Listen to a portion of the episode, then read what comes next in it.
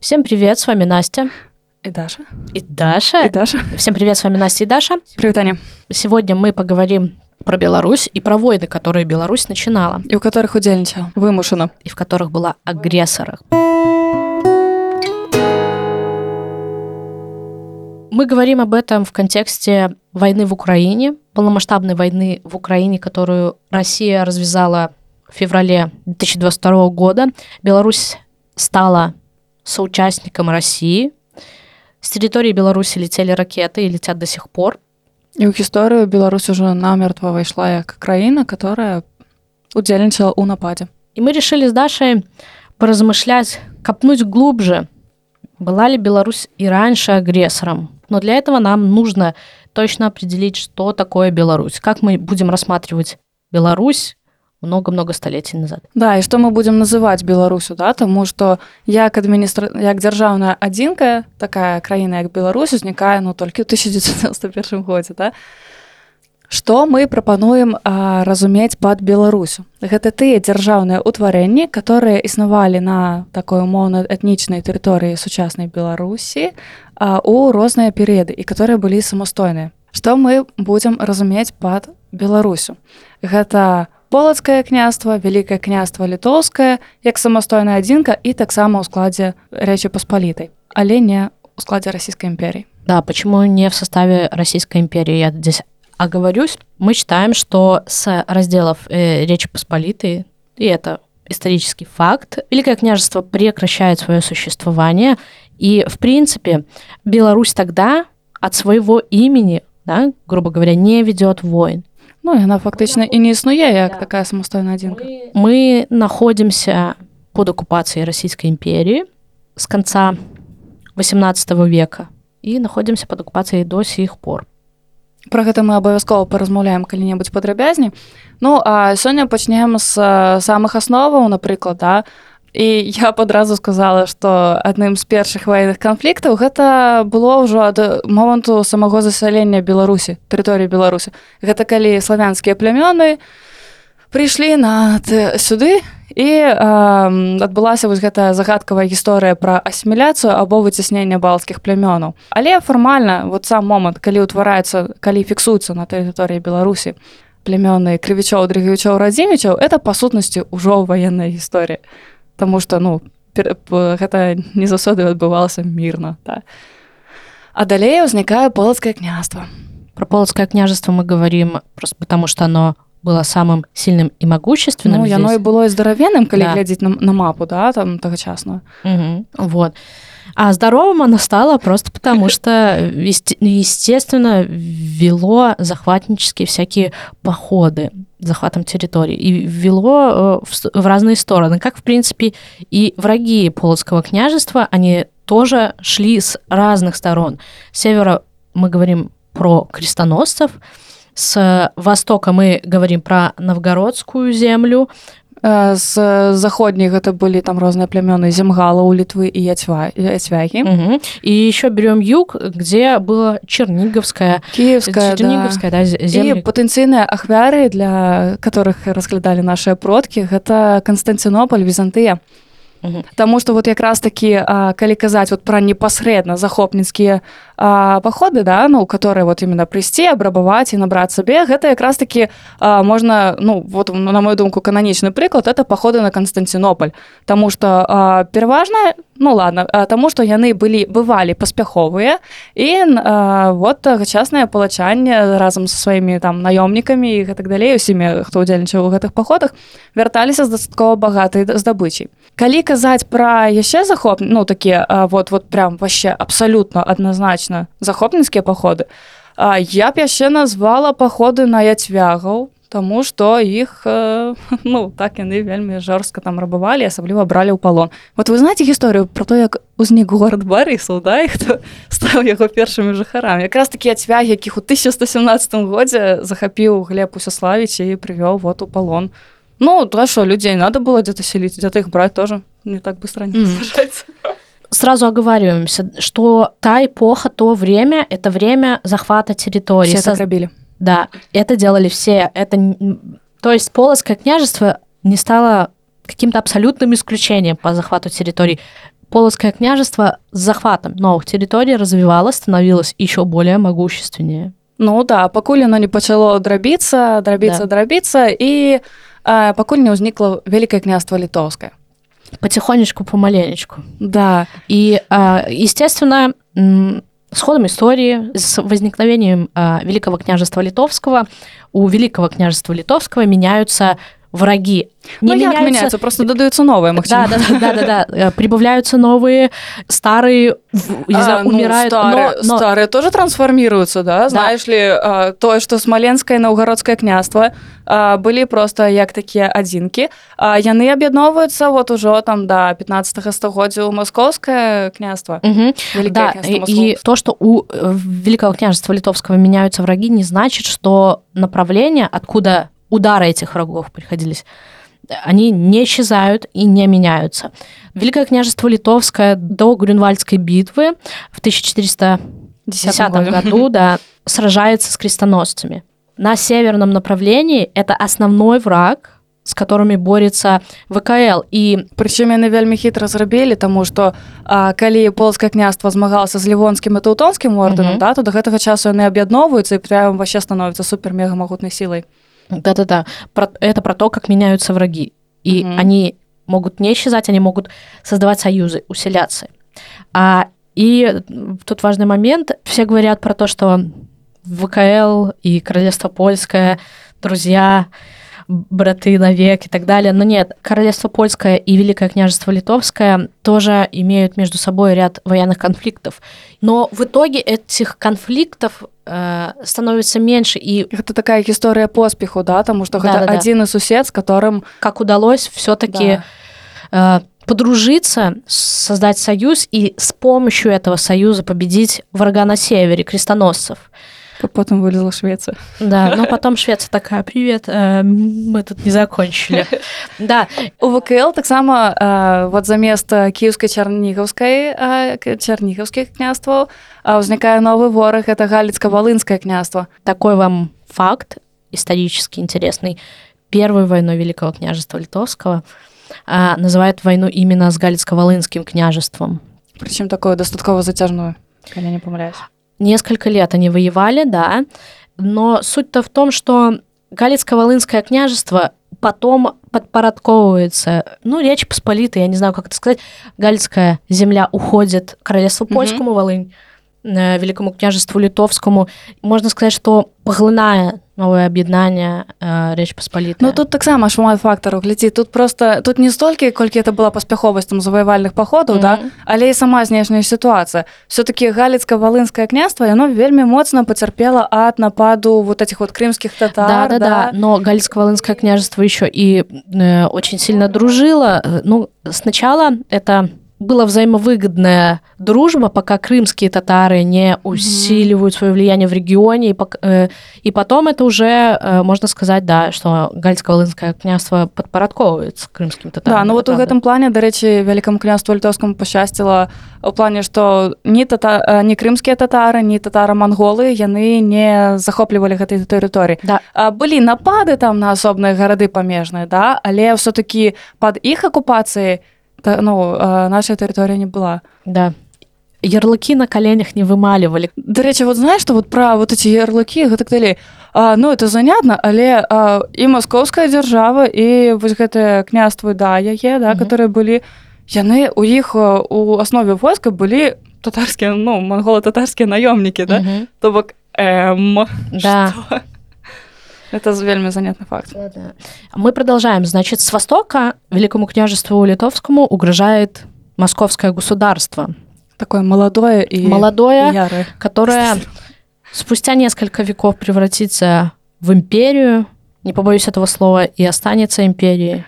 Только по-разному называться будет. И так само перетворится у самого такого стабильного спарринг партнера, партнера да, по войнам э, с Великим, Великим княжеством Литовским. Но вот если без шуток говорить, конечно, да, с московским государством э, Великое княжество Литовское воевало больше, чем с кем-либо еще из соседей. Ну и самое цікавае, што пачыналіся ўсе гэтыя канфлікты збольшага адносна так ну слабенька да то бок это вот за Смоленск там за Пскоў да ну приграничье хотя, хотя mm -hmm. напрыклад вот эти амбіцыі на полацк московской державы и на іншыя гарады но это уже было конечно захвар ну полацк захватывали не а, ну у межах першага этапа ну да да а, захоплівалі да і ну вообще лічылі яго сваім да вообще ну Ничего, людей ну, так, тут надо еще говориться, что вот если читать э, историческую литературу, по которой учатся э, историки э, в России, Великое княжество Литовское, тем более приграничье вот это вот, да, э, со Смоленск, ну понятно, что Смоленск это сейчас российский город, да,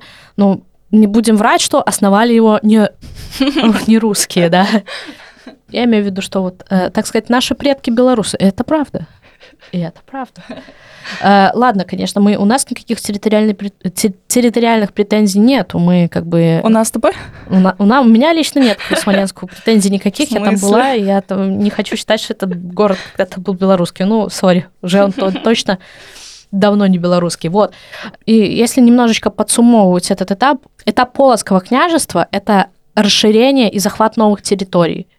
А этап ВКЛ это уже это сохранение захование, сох, да. сохранение этих территорий и сражение им вот конкретно за сохранение ну э, некаторыя самастойныя напады все-таки былі ну але гэта калі ў кантэксце крыжацкай агрэсіі то это збольшага была такая ўжо закаранелая барацьба да то бок з узаемнымі там дамовамі нападкамі там межамі гэтак далей mm -hmm. то у вот у бок маскоўскай дзяржавы там усё-таки было яшчэ некалькі таких спробаў чисто вот э, самі пашлі захвацілі там але з іншага боку это все пытанне межаў mm -hmm. і такі ўжо напэўна стары канфлікт ну, вот, допустим, э, войны конца 15 века, первой трети 16 века с московским государством, часть из этих войн так и называли приграничными. Да, Это да. Не, не история про захват новых территорий, осваивание новых территорий, інтэграцыя этих тэрыторый в великкае княжество літовскае да а, ну тут глядзі тут еще такі момант а напэўна я бы вылучыла як такі адзін з канфлікт за тэрыторыях это інфлянскую вайну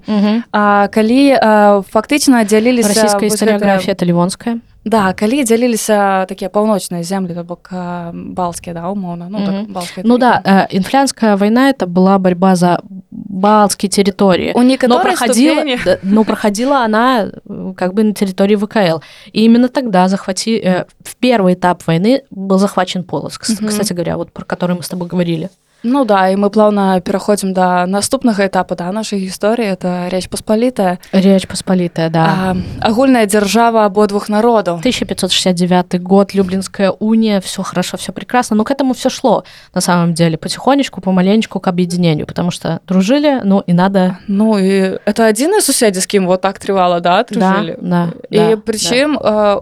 все-таки я думаю гістарычная справядлівасць або або гістарычна аб'ектыўнасць у тым што нягледзячы на розныя моманты гэта все-таки быў такі адносна раўнапраўны саюз гэта не быў цалкам разно раўнапраўны саюз ну як бы і розніца таксама была ў становішча перыяд рэчы паспалітай ворагаў становіцца трошечки меньше, да? Трошечки Але меньше. они вот так максимально Но, э, в историческом контексте, если на это все смотреть, их становится меньше, потому что и там, и там, и там происходят всякие объединения, и в да. итоге вырастают э, государства, да.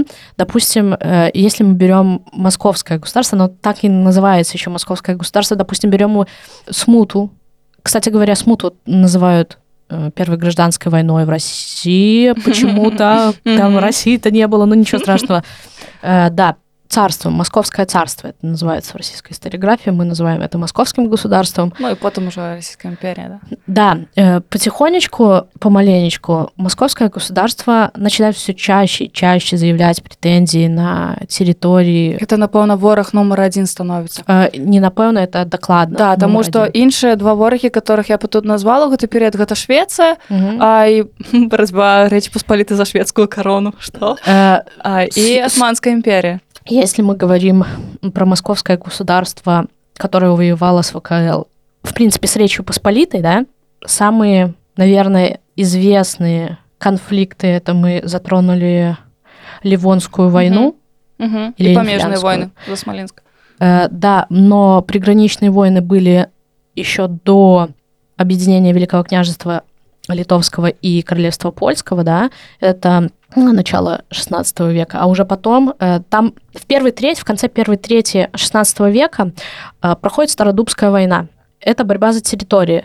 А, до Ливонской войны я уточню, что было очень долгое перемирие между Московским государством и Великим княжеством Литовским. Угу. Случилось оно после Стародубской войны в конце первой трети XVI века.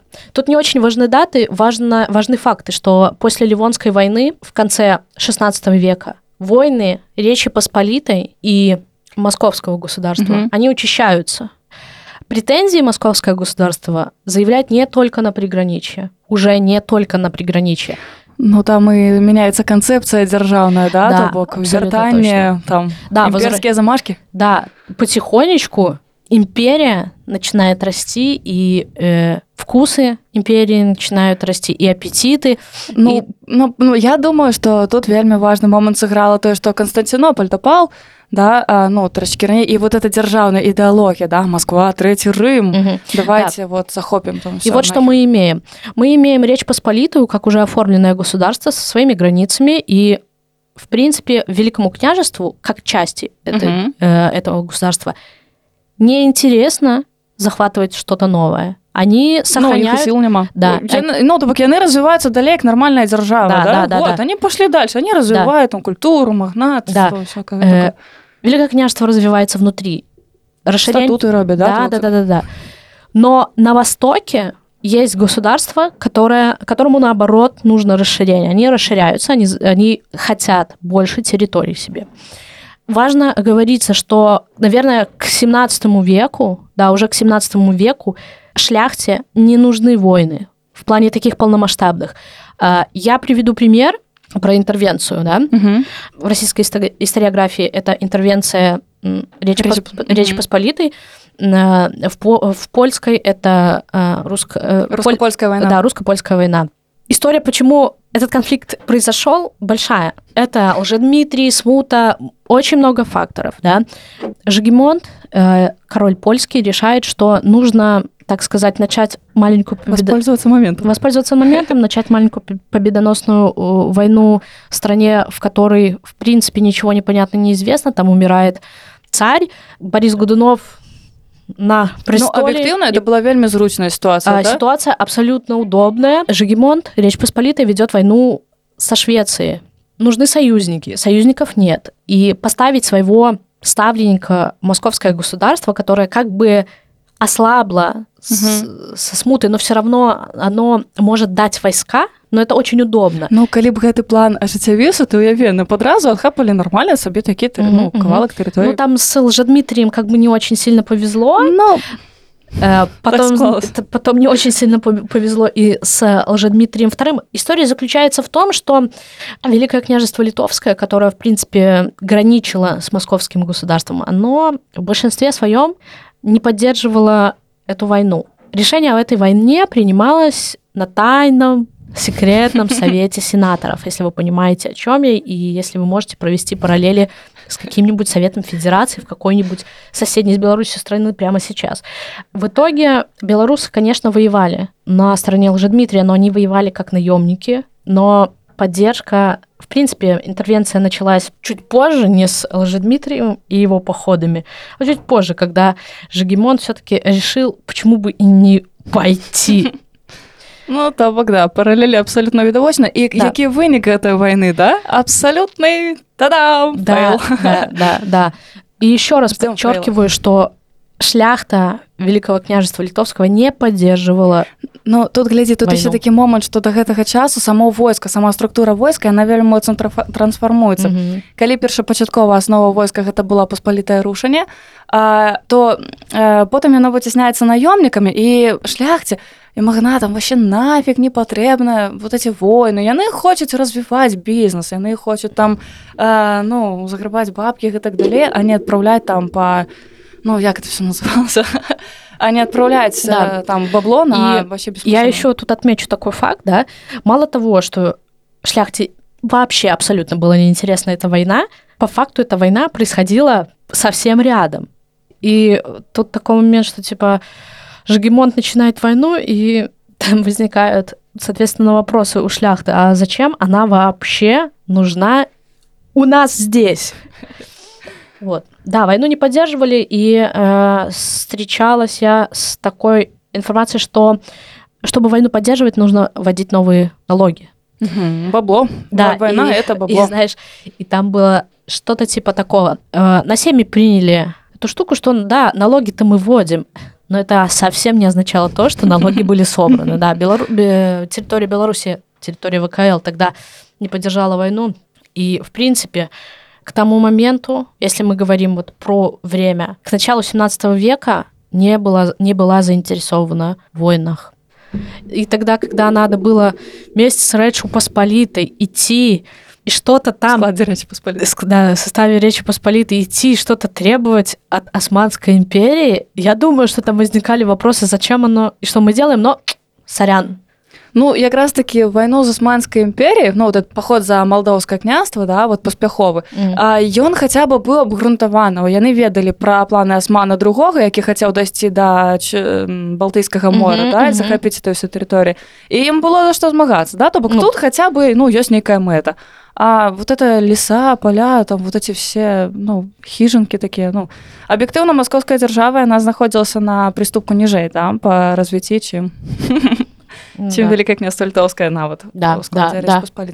Ну а потым ужо нашим продкам было трошечки недавойну таму што пачаліся розныя паўстанні унутраныя канфлікты казацка-сялянская вайна да напрыклад вось гэта ўсе паўстанні і ну да і маем што маем Да-да-да. И если мы говорим вот про восстание 17 века, тоже стоит подчеркнуть, что они как бы начинались с помощью украинских гетманов. Э, ну, хотя из их подачи, да? Э, ну...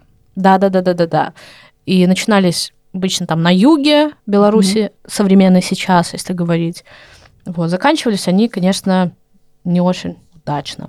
Ну але э, тое што вот это э, беларускае насельніцтва которое mm -hmm. дастаткова такі актыўна падтрымлівала гэтае паўстанне по-мойму яно ўжо як бы вось я выдатна намікае ну на саму сітуацыю унутры краіны да Я, э, сяляне змагаліся супраць ужо паноў. Ну yeah. Да. сяляне змагаліся супраць магнатэрыі адпаведна это ўжо такі не знаю вообще супер мега высокі красны флажок ребят.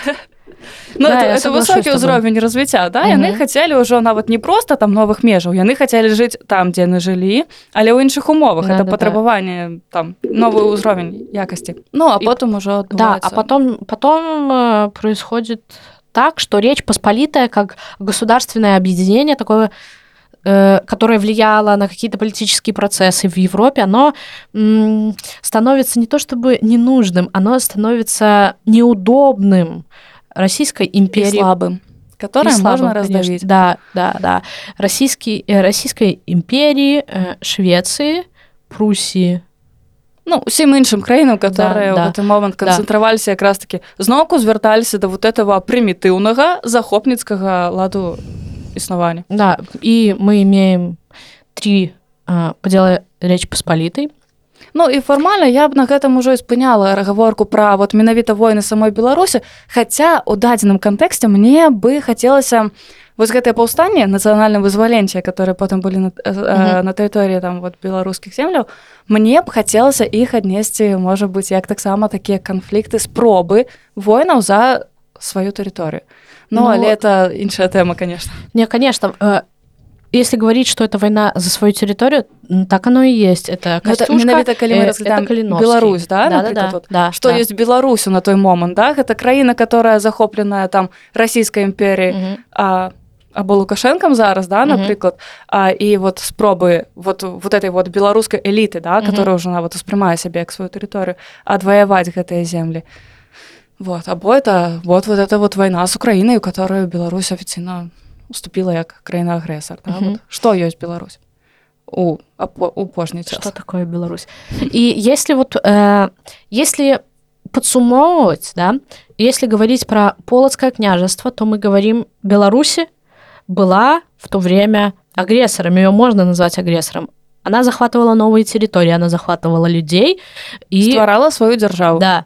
Если говорить про великое княжество литовское на первом этапе до объединения и создания союза с Речью Посполитой.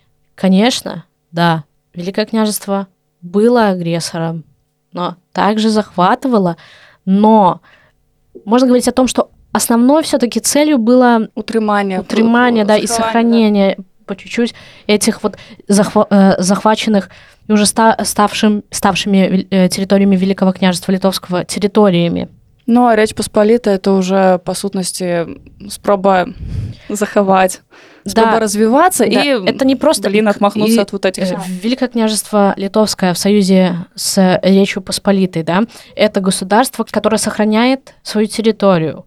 Оно ведет оборонительные войны, в основном с московским государством. Великое княжество Литовское участвует в походах с Речью Посполитой вместе. И Великое княжество Литовское, точнее шляхта, представляющая Великое княжество Литовское, не хочет э, вести, в принципе, никаких войн за захват новых территорий. Ну, гэтаму не было сутнасці сэнсу да напрыклад потому что да потому что все функцыянавала да. все хапала умоўна государство развивается. Ну у кантэксце ўсяго гэтага конечно мне вельмі хочется разделять Беларусь да вот такая которая на ёсць такая вот такое мы ведаем по гісторыі да вот як э, э, вынік полацкае княства вКл вКл у складзе рэчы паспалітай і тое што ёсць зараз э, просто с такой акупацыйнай уладай у ёй у меня есть такое мнение да? А, на первых этапах да полоцкое княжество и великое княжество литовское Беларусь условно ну, мы говорим про Беларусь вот в тех государственных объединениях формированиях да захватывала раз формировала свое государство, угу. сохраняла его. Угу. Когда мы говорим уже про ВКЛ Объединенного государства с Королевством Польским, Речь Посполитую, да, это Беларусь, которая пыталась вот просто сохранить землю и сделать на этой земле уже что-то хорошее. Ну, я, конечно, преувеличиваю, не что-то... Жить дальше. Жить, короче, жить. Жить, э, фор... создавать государственные институты, и так далее, да? Ты мне зараз нагадала вот эти мемы про российских солдат, которые здзіўляюцца асфальту, да? То бок фактычна войны расійскай імперіі з э, рэчу паспалітай, напэўна, таксама выглядалі вось так. Ну, да. О, глядзіце у іх шкло ў домах. Вот, да, и мы не будем уточнять, почему Речь Посп... не будем уточнять в этом подкасте, почему Речь Посполит Великому княжеству Литовскому не удалось выжить как э, государством, Тут шмат фактараў да. потому что их очень много и ну, так не получилось так не сложилось так что российская империя оккупировала великое княжество литовское и уже по факту войн агрессивных Беларусь не вела можно говорить только о восстаниях и национал-освободительном движении войнах и так далее. И спробах так. Да. Мы пытались мы боролись калі паглядзець на ўсю карцінку бела... гісторыі беларусі як краіны якая ўзнікла на аснове полацкае княства вялікае княства літоўскага можна ну вот просто бяспрэчная выснова да што войны захопніцкія у тым ліку за тэрыторыя за рабамі і за даніны яны былі. Але іх праводзілі самастойныя незалежныя кіраўнікі которые тут ну нараджаліся з'яўляліся там прыходзілі аднекуль А калі мы кажам пра пазнейшыя этапы да ну то бок это калі асабліва ў складзе расійскай імперіі беларусы ў складзе расійскай імперіі выходзілі ў рэкруцкія наборы да яны ваявалі там у розных тэрыторыях і былі ў расійскім войску але это не была свая вайна это не былі свае войны не былі свае канфлікты і ніякіх сваіх мэтаў для беларусі тут не было что у что например да ладно что казаць нават про вот войны расійскай імперіі mm -hmm. да да нават по выніках другой сусветнай войны да? Калі Беларусь нават атрымала прадстаўніцу ОАН а ніякіх сваіх амбіцый ці прэтэнзій яны не выказвалі то бок это ўжо это дагэтуль заставалася такой падуладнай увы тэрыторыі сёння калі мы бачым тое што тэрыторыя што Беларусь як краіна афіцыйна уступае ну неафіцыйна уступае да? Ну тут фармальна у нас афіцыйнай вайны то ніякай няма ў свеце mm -hmm. да калі Беларусь уступае фактычна у вайну то ну это не Беларусь да это все-таки вот это акупацыйная ўлада.